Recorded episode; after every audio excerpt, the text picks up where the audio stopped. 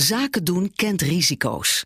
Eén misstap en een succesverhaal wordt een fraudeschandaal met een forse boete. Hoe legt u dit uit aan aandeelhouders of rechter? Deze problemen waren te voorkomen door gewoon grondig onderzoek te doen. Holland Integrity Group, omdat uw reputatie telt. Scherp. BNR Nieuwsradio. Boekenstein en de Wijk. Mark Beekhuis. Welkom bij Boekenstein in de Wijk. Het is maandag, dag 453 van de Russische oorlog in Oekraïne. Arend-Jan, Rob, fijn dat jullie er weer zijn allebei. Eerst even vragen. We hebben het er de afgelopen week een beetje naartoe geleefd. Jullie gingen de, podium, de podia van Nederland eh, bestormen weer. Ja. Hoe valt het? Uh, leuk. Ik vind het echt fantastisch om te doen. Morgen zitten we in uh, uh, Groningen. dat wordt een, denk ik weer even leuk als in Nieuwegein. Met Martin Kruijf. Echt een fantastische man. Hartstikke goed om met hem te krijgen. En ja, vervolgens gaan we naar Breda, toch Arend Jan? Ja, in Breda treedt Jan Latte op, de demograaf van het CBS. En die laat natuurlijk zien wat de demografische ontwikkelingen zijn. En de interessante thema's zijn natuurlijk de vergrijzing in sommige landen, China bijvoorbeeld, Europa, maar niet in uh, Amerika. Dat heeft natuurlijk gevolgen voor de slagkracht van Amerika. Hè. Uh, het gaat ook over immigratie, dat wordt er allemaal aan verbonden. En dat is natuurlijk allemaal ongelooflijk gevoelig punt, want verzorgingsstaten zijn niet goed in staat uh, om uh, immigranten op te nemen. Dat wordt in Breda een hele ja. interessante avond. Maar we gaan het ook over Oekraïne hebben en alle dingen die jullie van ons uh, gewend zijn hoor. Maak je geen okay, zorgen. Het is, het is zaterdag. Ja. Zaterdag, zaterdag is het. Aanstaande zaterdag in Breda. Ik heb gezien, er zijn nog wat kaartjes, maar de de ervaring leert dat het met name die laatste dagen ontzettend hard gaat. Dus uh, wie nog wat wil, moet nu gaan, uh, gaan kijken op uh, het Chassé Theater. Er zijn nog wat kaartjes ja, te krijgen, maar dat is zo weg. Daar staan ja. alle links. En begrijp ik het nou goed dat de mensen die in Groningen gezien hebben met Marten Kruijf, dat die in Breda eigenlijk een andere voorstelling krijgen, dat die gewoon nog een keer ja. moeten komen kijken? Ja, die krijgen een andere voorstelling. Uh, natuurlijk zit okay. er wat verdubbeling in, maar op een gegeven moment halen we de gasten bij en dan wordt het, en dan wordt het een andere voorstelling. Ja, ik ken mensen die gaan naar alle zeven voorstellingen. Ja, dat is fantastisch toch? Dat zijn ja. de echte fans. Daar dat is toch echt fantastisch. Ja. Laten wij voor de echte fans uh, naar, zoals jullie dat heel graag altijd aan het begin van uh, de podcast doen, naar de situatie op de grond in Oekraïne gaan. Uh, ja. In, ja, in Bachmoed, waar we het vaker over hebben Bachmoed, gehad. Maar ja, ja, het moet maar weer. Hè. Ja, dat doen we eigenlijk al bijna bijna acht maanden lang, geloof ik zo ongeveer. Um, nou ja, Bachmoed is gevallen.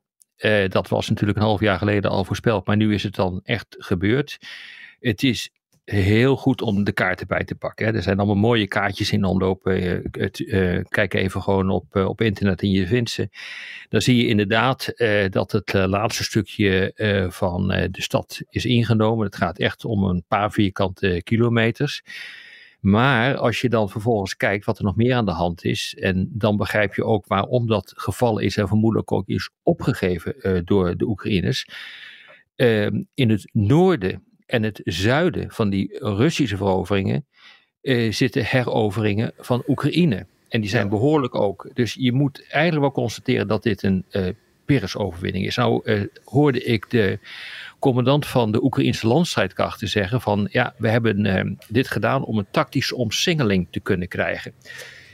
Nou, dat lijkt me uh, oorlogsretoriek, want ik zie die omsingeling niet zo goed. Maar dat de Oekraïners dichtbij zijn, dat is een ding dat zeker is. En ze kunnen met hun artillerie ook nog steeds uh, de, uh, de Russische stellingen in de stad um, aanpakken.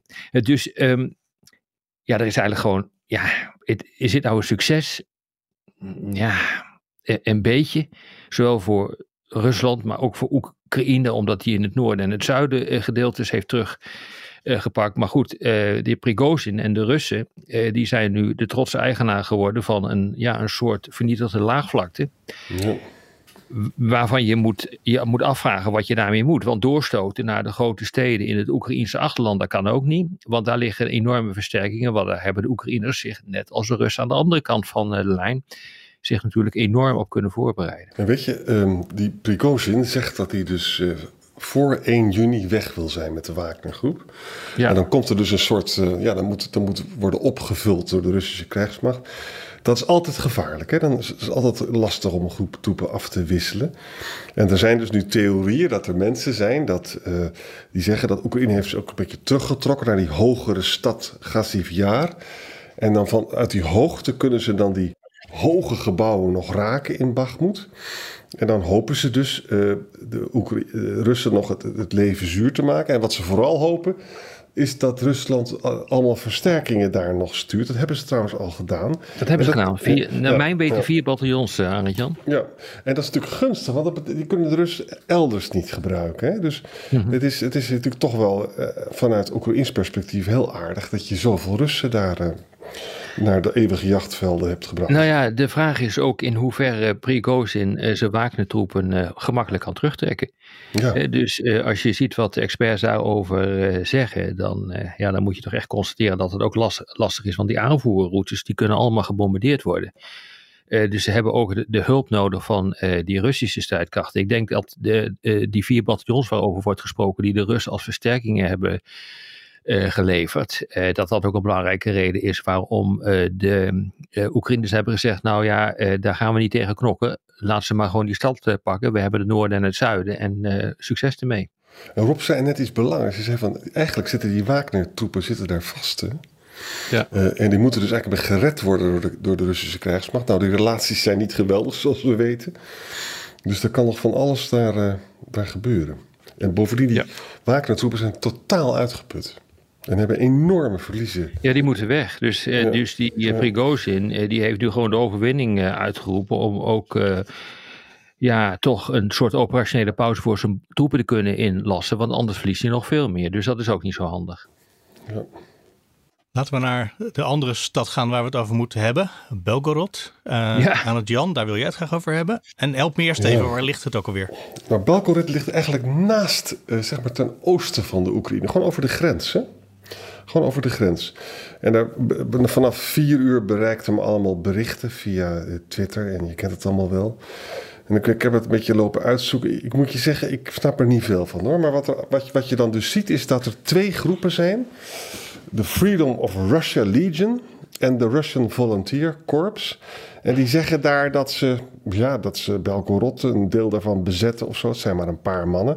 Het doet je een beetje denken aan wat we in maart hebben meegemaakt van dit jaar. Weet je wel? Dat er twee soldaten stonden ten noorden van Kharkiv of zo. En dat later was het ook. Nou, als je het gaat zoeken naar die uh, RDK, Russische Volunteer Corps is RDK in het Oekraïens. Dan, heb, dan heb, praat je over neonazies, over drugdealing en slechts 50 leden. Mhm. dat, dat, lijkt me nou ook niet dat dat nou zo vreselijk veel is. Maar de Oekraïners zeggen zelf wel, de inlichtingendienst, dat er wel dus een beetje wordt samengewerkt. Dat ontkennen ze niet. Hè? En er zijn ook berichten of het allemaal waar is, jongens. Ik weet dat echt niet. Hè? Maar er zijn berichten dus dat er bussen gestuurd zijn naar Graivorin om burgers uh, daar weg te halen. Uh, dus vooralsnog kan ik er niet veel aan doen. Die andere groep is een. Uh, die zit weer dicht bij de Russian Imperial Movement. Dat zijn mensen die dus terugverlangen naar de tsarentijd. Hè? Nou, wat is hier aan de hand? Is dit aandacht afleiden van Bakhmut, wat sommige mensen zeiden? Of is het een bufferzone creëren voor Oekraïense burgers? Want vanuit Belgorod wordt er natuurlijk uh, geschoten. Uh, ik weet het niet. Rob, wat maak jij ervan? Nee, nee, het is hetzelfde. Kijk, die twee groepen die zijn wel bekend. Dat zijn kleine groepen. Het zijn hele radicale groepen. Ja. Daar wil je niet mee te maken hebben. En uh, ze eigenlijk, wat ze doen, is ze, ja, ze werpen zich op als een soort partisanen. Ze roepen ook op uh, om uh, de strijd tegen Poetin uh, te beginnen. Ze zijn gewoon pro-Oekraïne en door, door de bank genomen en tegen Poetin. Maar het zijn weinig frisse groepen. dus om ze nou direct vrijstrijders te noemen of partisanen, dat gaat me ook een beetje te ver. Maar het, kijk, het enige wat denk ik van belang is, is dat dit soort groepjes gewoon ongehoorde problemen kunnen opleveren voor de lokale autoriteiten. en dat is ook precies wat er gebeurt. in de Oblast Bryansk, en in de Belgorod Oblast, daar gebeurt dit nu op dit uh, moment. We kunnen niet inschatten hoe groot uh, het is. Maar dat dat uh, de pers bereikt, dat dat berichten bereikt, dat er op Telegram over wordt bericht, zegt wel iets. Maar ja, we kunnen nu nog niet inschatten hoe groot dat is. Het is niet in ieder geval een partisanenstrijd van een omvang uh, die we bijvoorbeeld in bezette gebieden uh, zien uh, in Melitopol, in het zuiden van Oekraïne. Dat is absoluut denk ik niet vergelijkbaar hier. En de foto die je op Twitter ziet, daar staat een van die mannen is precies dezelfde man als die in maart op de foto stond. Kan dus ook zijn dat die foto helemaal niet klopt of zo. Ja. We moeten gewoon maar afwachten wat, wat voor Ja. informatie er komt. Nou, ja, ondertussen zitten ze wel met mortieren te schieten, hè, die lui. Dus eh, het is ook niet echt een gezellige boel, moet ik zeggen. nee. Dat is het niet. Maar goed, dit zijn dus wel problemen binnen Rusland. Ja. En eh, normaal een demonstratie wordt al neergeslagen. Maar als er hier mensen met mortieren erop losgaan. eh, de- dan, Dan is toch iets, iets, de situatie in het land zelf ook iets aan het veranderen. Nou ja, dat moet, je, dat moet allemaal nog blijken. Dat, eh, dat zullen velen hopen. Maar dat, dat moet nog blijken. Dat hangt ervan af hoe groot het is. En eh, is het nou iets wat eh, een, een, een kiem is, wat, gaat, wat groter gaat worden? Of is het iets wat in de kiem gesmoord wordt? Dat kunnen we denk ik op dit ogenblik niet zeggen. Dat die groepen al lang bestaan, dat is een ding dat zeker is. Maar nee jongens, ik, ik durf hier geen... ja, ik durf niet met grote stelligheid durf ik te zeggen dat dit eh, betekenisvol is. Maar het is wel interessant en we moeten het wel volgen. Ja. Ja, en wat is de situatie als straks neonazies Poetin verdreven zouden hebben? Of je daar weer blij Zo mee moet is het. zijn? Ik bedoel, het zijn het soort eh, vrienden die je niet als vriend willen hebben. Eh Zaporizhia, ook nog een stad waar we heel even naartoe gaan, denk ik. En dat is natuurlijk dan vooral de grootste kerncentrale van Europa, die weer zonder stroom zat. Ja. Voor de Afgesloten was. zevende, zevende keer, zevende blackout. Ze hebben diesel genoeg voor tien dagen. Hij is overigens wel weer terug. Maar er wordt heel angstig over gesproken. Ook door die uh, Juretum, meneer Krasso, of hoe heet die? Crosso. En uh, het, is, het is natuurlijk belachelijk. Het is nog steeds in handen van de Russen. Hè? Ja. En, uh, het, dit kan daar zomaar misgaan. Hè? Voor meer ook omdat in de buurt van uh, de kerncentrale, in ieder geval in het, de stad Zaporizhia, uh, weer raketten vannacht zijn neergekomen, net zoals in Dnipro. Ja. Uh, ik zag 16 verschillende raketten en 20 Iraanse drones. Het meeste is weer, bij, uh, is weer neergehaald. Vanuit de Oekraïnse kant wordt nu gezegd dat pakweg 75% van alles wat wordt afgeschoten door Rusland wordt neergehaald. Dus dat is een behoorlijke score hoor. Maar dan komt er nog steeds 25% doorheen. Ja. En als je nou heel cynisch bent, hè, stel je voor dat Rusland, dat Poetin zo klemt komt te zitten, dat hij gewoon opdracht geeft om daar een raket op te gooien. Daar hebben de Russen natuurlijk zelf ook heel erg veel last van, maar je krijgt vanzelf een frozen conflict als je dat soort idiote dingen doet. Hè? Nou ja, ja, nou ja, ongelukken zitten in een klein hoekje hier. Dus uh, ik bedoel, vechten rond de kerncentrale, dat is nooit een... Uh, Geweldig idee. Van, ja, dat is van niemand, uh, voor niemand is dat een favoriete bezigheid. We hebben een heleboel kleine onderwerpjes vandaag, denk ik. Ja. Uh, maar eentje hoort daar nog bij, bij waar we net aan de oostgrens al zaten. Uh, toen hadden we het al even over dat Bagmoed dan nu gevallen is. En toen zeiden jullie, ja, er zijn ook wel vier bataljons nu om die stad te verdedigen Mhm. tegen... Mm. Ja, er, is niet eens meer een stad, maar nou ja, wat er van over is. Ja. Uh, ik hoor en lees her en der dat er een soort gevaar bestaat dat Rusland zijn leger nu daar moet, zo moet verdunnen. Dat het eigenlijk nergens sterk genoeg is. Slaat dat ergens op? Ja, kijk, weet je, eh, ze hebben pakweg aan die hele grens van de Dnipro tot en met het, uh, het noorden van het oosten, hè, dus in de richting van Gerson, ehm, hebben ze, of Gerson en Kharkiv, ik haal het twee door elkaar, Kharkiv, hebben ze 200.000 man gestationeerd. Dat lijkt heel veel, maar op een, op een afstand van 800.000 kilometer is dat niet heel veel. Maar dat geldt natuurlijk ook voor Oekraïne. Uh, en dus zij moeten, en dat geldt ook voor Oekraïne, ze moeten kijken waar ze hun troepen moeten gaan concentreren. We weten ook dat er een divisie is uh, um, geplaatst uit het westelijke militaire district in de Luhansk Oblast. Dat ligt er zeg maar een beetje, dat is eigenlijk het uiterste oosten van het, van het front. Uh, je ziet dat, daar, dat er bataljons, dus laten we zeggen een man of 6, 700, 800 misschien op zijn max, worden gestationeerd op gebieden, in gebieden waar men een doorbraak uh, verwacht.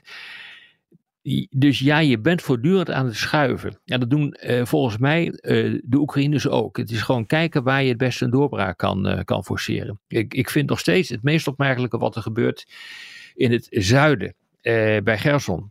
Uh, daar schijnen nu pontonbruggen te zijn uh, uh, ingericht over de Dnieper, of de Dniepro. en de bedoeling is dan om daar zwaarder materieel overheen te brengen. dat zou er dan weer op kunnen duiden dat er een aanval komt vanuit het uiterste zuiden. Nou, of dat zo is, dat uh, waag ik te betwijfelen, want dat is echt een, een, een ingewikkelde operatie. Het is een hele kwetsbare operatie als je zwaar materieel over de rivier moet, moet brengen. Maar het gebeurt wel op dit ogenblik. Um, dus ja, dan zou je dus weer kunnen, kunnen denken, als dat gebeurt, dat je weer troepen uit het oosten naar het zuiden moet gaan uh, transporteren. Uh, dat soort dingen zien we op dit ogenblik gebeuren. Het is echt allemaal inleidende manoeuvres uh, voor een grootschalig offensief. Ja. In de Financial Times van vandaag staat werkelijk een ongelooflijk mooie grafisch in beeld gebracht waar de versterkingen, Russische versterkingen zitten. Het meest versterkte is Saporizia. Maar goed, Berdiansk is ook gewoon een totaal fort, dat vliegveld. Het noorden van de Krim zit helemaal vol met tanktraps. Ja. Severodonetsk en Lysychansk, weet je, als je dus door Bakhmut ja. heen zou komen, hartstikke dicht. Uh, Kupiansk in Lugansk is ook dicht. Hè? Oekraïne doet nu shaping operations, dus ze prikken overal een beetje om te kijken ja. waar het dan misschien zwakker zou kunnen zijn. En het, het, nieuwste bericht is dus dat de, de, Russen hebben het heel slecht gedaan met hun vliegtuigen. Hè? En ze zijn niet in staat om de, om de synchronisatie te laten plaatsvinden tussen tanks, artillerie, eh, ontmijning en, en luchtsteun. Hè? En nu schijnt het dan wel zo te zijn dat ze uh, heel veel salaris bieden aan geschoolde piloten. Uh, om dat dan eindelijk dan beter te gaan doen. Hè? Helikopters, die hebben ze wel, helikopters en vliegtuigen. Maar, maar die piloten doen het op een of andere manier niet goed. Die schijnen, schijnen niet goed geschoold te zijn of slecht betaald te worden. Hè? Uh, en, en, maar goed, je moet maar de, de FT kijken vandaag. Het is een werkelijk, het is zo goed in beeld gebracht. En dan besef je ook in één keer dat, ja, het is natuurlijk voor de Oekraïners vreselijk dat ze uh, dat nu zonder uh, luchtsteun moeten gaan aanvallen, hè, al die stellingen. Dat betekent dat er heel veel mensen zullen overlijden. Ja, het punt is natuurlijk dat die eigenlijk, je loop je kapot op al die stellingen. Ja. En dat, dat, ik heb dat stuk niet gezien in Financial Times, hè, zei je. Ja, het is echt prachtig is het, prachtig. Ja, ja, het, ik heb het stuk niet gezien, maar ik heb wel allerlei andere staatjes daarvan gezien. En het is inderdaad vrij indrukwekkend, eigenlijk langs het hele front. En meerdere, meerdere ringen rond de Krim, ja. dus diep in bezette gebied, zie je dat. Ja, dus dat, dat doet vermoeden, als je gewoon kijkt naar de slagorde. En oftewel, wat heeft Rusland opgesteld en wat heeft Oekraïne opgesteld. dat er dan een mogelijkheid zou zijn dat je dan doorperst het Russisch bezette grondgebied in. Maar je loopt dan vast op die stellingen, want daar heb je gewoon heel veel troepen voor nodig. Dus uh, als je dus naar dat soort kaartjes kijkt, dan, dan kun je ook een inschatting maken van een scenario waarin de strijd staakt voor die nieuwe stellingen. Ja. Jullie hadden het al even over vliegtuigen. Misschien moeten we het even hebben over F-16's. Want daar wordt steeds meer duidelijk dat ze komen. Ja. Er komen in elk geval trainingen. Ja. En misschien komen de F-16 zelf ook wel. Nou ja, dat besluit moet nog worden genomen. Die trainingen uh, worden eerst genomen. Even voor de goede orde. De Europeanen mogen gaan trainen. De Amerikanen doen het niet. Interessant genoeg. Hebben we maanden geleden hebben we al eens een keer gezegd dat er uh, door de Amerikanen geld uh, gereserveerd is om Oekraïnse F-16-piloten op te leiden. Volgens mij is dat dus nooit gebeurd. Maar daar hebben we het wel over gehad. Het is volgens mij in mei al gebeurd, al heel lang geleden. Dus de Europeanen mogen dit doen. Uh, er is nog geen besluit genomen om die F-16 ook daadwerkelijk te gaan te gaan leveren. Maar het probleem zit er natuurlijk in dat het gewoon vier tot zes maanden kost om die piloten op te, uh, op te leiden. Uh, dan moet je de hele infrastructuur op orde krijgen in Oekraïne. Die vliegvelden zijn niet echt heel erg geschikt voor het opvangen van, uh, van F-16's. En dan krijg je nog het probleem van wie gaat dan de hele ondersteuning en de logistiek doen van die F-16's. Zijn dat dan Oekraïners of zijn dat mensen van de NAVO, militairen en burgers? Nou, dat laatste, god hoe dat dat gaat gebeuren. Want dan kan er direct uh, worden gezegd dat uh, de NAVO betrokken is bij dit conflict. Maar wat je nu ziet is dat meneer Antonov, ja je zal maar zo'n naam hebben in dit geval, de Russische ambassadeur in Washington, die heeft er eigenlijk al op gehind van als dat gaat gebeuren op een of andere manier, dat bijvoorbeeld die F-16's vanaf NAVO-vliegvelden, ook al is het met zogenaamde vrijwilligers, worden gebruikt voor inzet boven Oekraïne, of anderszins, ja, dan zijn de pop aan het dansen. En hij dreigt dan eh, met verschrikkelijke consequenties. Nou, dat, heeft, dat is eerder ook vanuit uh, Moskou gekomen, dit soort dit dreigementen. Arnold Brouwer maakt er een heel punt van in de Volkskrant uh, vanmorgen. En die zegt het feit dus dat de Europeanen nu meer doen dan de Amerikanen ten aanzien van die F-16's, betekent kennelijk, zegt hij, dat de Europeanen toch minder bang zijn voor Russische dreigementen. Ja. Dat is, dat is misschien waar. Wat ik ook, wat, wat, wat hij nou ook ja, zegt, dat is wel, ja. Jan, dit is wel een hele belangrijke opmerking. Ik heb dat ook gevraagd. Uh, als ik op reis ben, dan vraag ik dit regelmatig van waarom gebeurt dit nou eigenlijk? Waarom nemen jullie dit soort besluiten? Daar komt niet een, ja, uh, Oekraïne moet winnen. Nou ja, we hebben net uh, erover gesproken dat dat toch lastig is. om echt te winnen in de klassieke zin, namelijk alle Russen het land uit. Uh, maar dan uh, komt al vrij snel het idee van ja, we moeten wat doen uh, en we moeten ons niet bang laten maken. Maar het heeft ook te maken met, laten we zeggen, toch een emotionele binding van besluitvormers ten opzichte van dat hele conflict in Oekraïne. Ja. en je, dan, en dan is het een bekend fenomeen dat je stap voor stap verder zo'n conflict in wordt gezogen. Dat is nou precies wat we hier zitten. Want wat zit er dan na F-16? Vraag ik dan altijd. Wat, wat is dat dan? Gaan we dan zelf meevechten? Of ja, zeg het maar. De Amerikanen nemen dat uitermate serieus. De Europeanen nemen dat wat minder serieus. Ik vind dat heel erg bijzonder, omdat als er de pleuris uitbreekt, dan worden de Europeanen en niet de Amerikanen als eerste slachtoffer daarvan. Ja. Uh, Arnold Brouwer maakt nog een opmerking. Van, dat ja. kon ik niet verifiëren. Dat Jack Sullivan, dat is de National uh, Security Advisor. Niet de minste, hè? Die sprak mm -hmm. dit weekend openlijk op de tv over de mogelijkheid dat Amerikaanse wapens ingezet uh, voor beschietingen van de Krim. Ik heb dat nergens gelezen. Ik heb het ook niet gezien. Nee, ik ook niet. Maar dat kan je bijna niet uh, voorkomen. Als je dus lange afstandswapens gaat uh, leveren, dan gaat dat gebeuren. Hè. Dus er, uh, ja. er zijn dus nu ook ehm, berichten dat er aanvallen zijn geweest. ehm, op Mariupol, op een luchtmachtbasis. Ja, dat in de nacht van de 19e was dat. Ja. Hè, dus al een paar dagen geleden. Maar daar zijn we vermoedelijk ook Storm Shadow raketten voor gebruikt. Ja. Ja, heb ik ook en dus dat, dat zit er gewoon in. En uh, de, de Oekraïners uh, die hebben al eerder aanslagen gepleegd op uh, de Krim. Ja, dus dit, dit, dit kan wel een, een probleem worden. Maar kijk, die, die F-16's die zijn er nog niet. En als ik de Amerikaanse redenering goed begrijp, dan is de redenering van wij, wij sorteren op de, dit moment voor met die F-16's op een volgende fase in het conflict. Namelijk na een staakt het vuren. Dat is wat Biden ook zei, toch? Uh, ja. Dat ja. uh, het land moet geholpen worden om zichzelf ja. Langere tijd zelf te kunnen verdedigen. Heb je wapens nodig?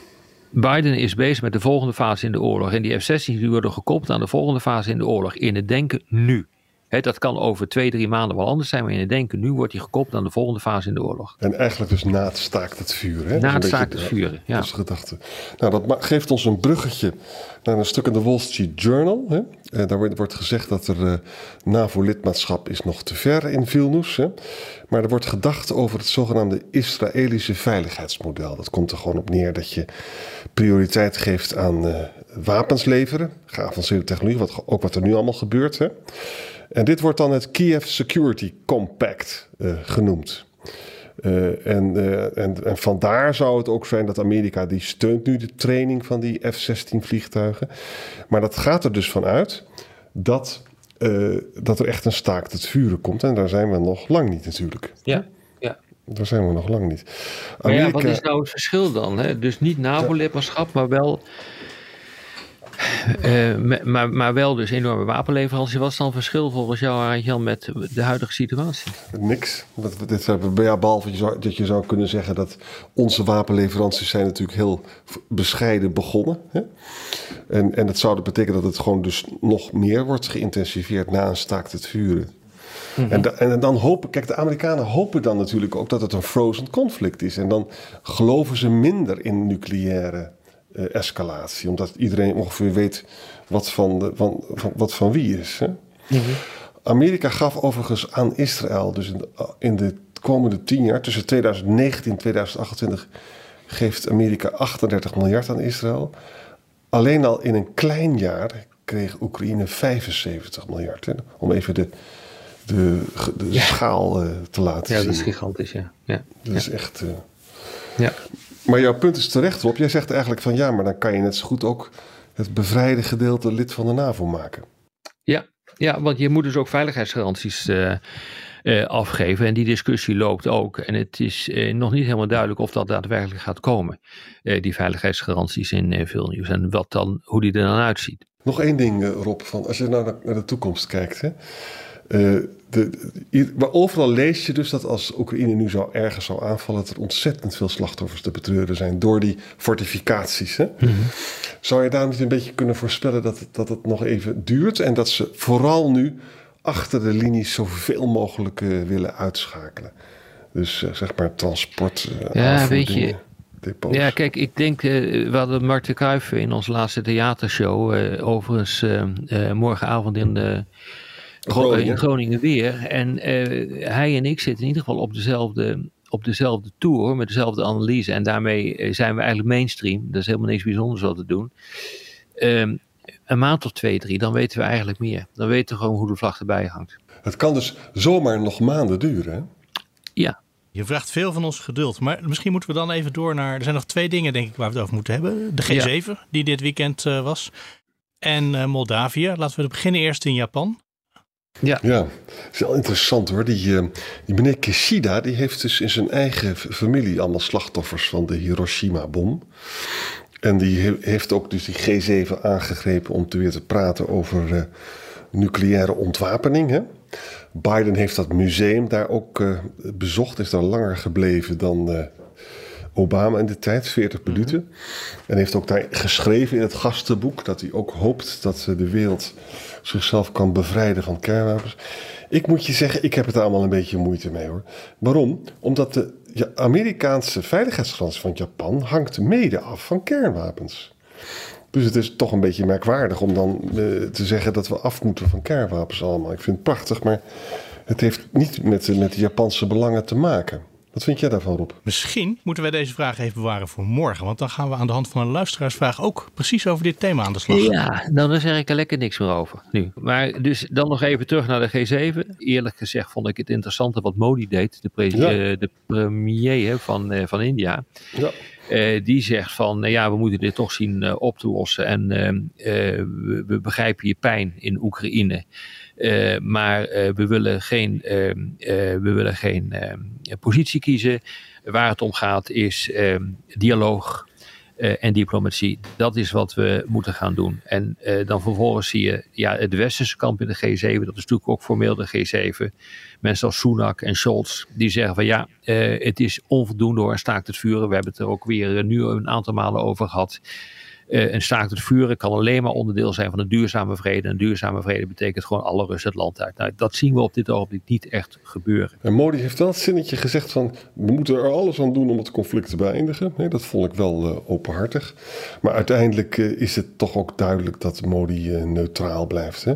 Niet onbelangrijk, want in september is hij gastheer van de G20-top.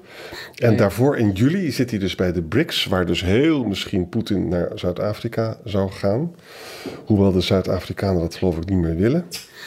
Um, maar wat, wat ik interessant vond om te lezen in de Wall Street Journal is... dit, dit was dus een, echt een mogelijkheid voor Zelensky om zijn zaak gewoon in het, tijdens een vergadering te bepleiten. Ook bij Modi. Ja. Want die hebben elkaar gewoon nog niet ontmoet. Hè? Ja. En die dingen zijn niet onbelangrijk.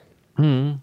Nou, wat ook uh, natuurlijk wel bijzonder is wat daar gebeurt, is China. Die stond redelijk centraal ook in, uh, de, in, in, alle discussies. En uh, ja, uh, wordt niet in een aantal uh, ja, verklaringen met name benoemd. Hè. Dus de Quad kwam er ook bijeen aan marge van de G7. De Quad is Australië, India, Japan en de Verenigde Staten.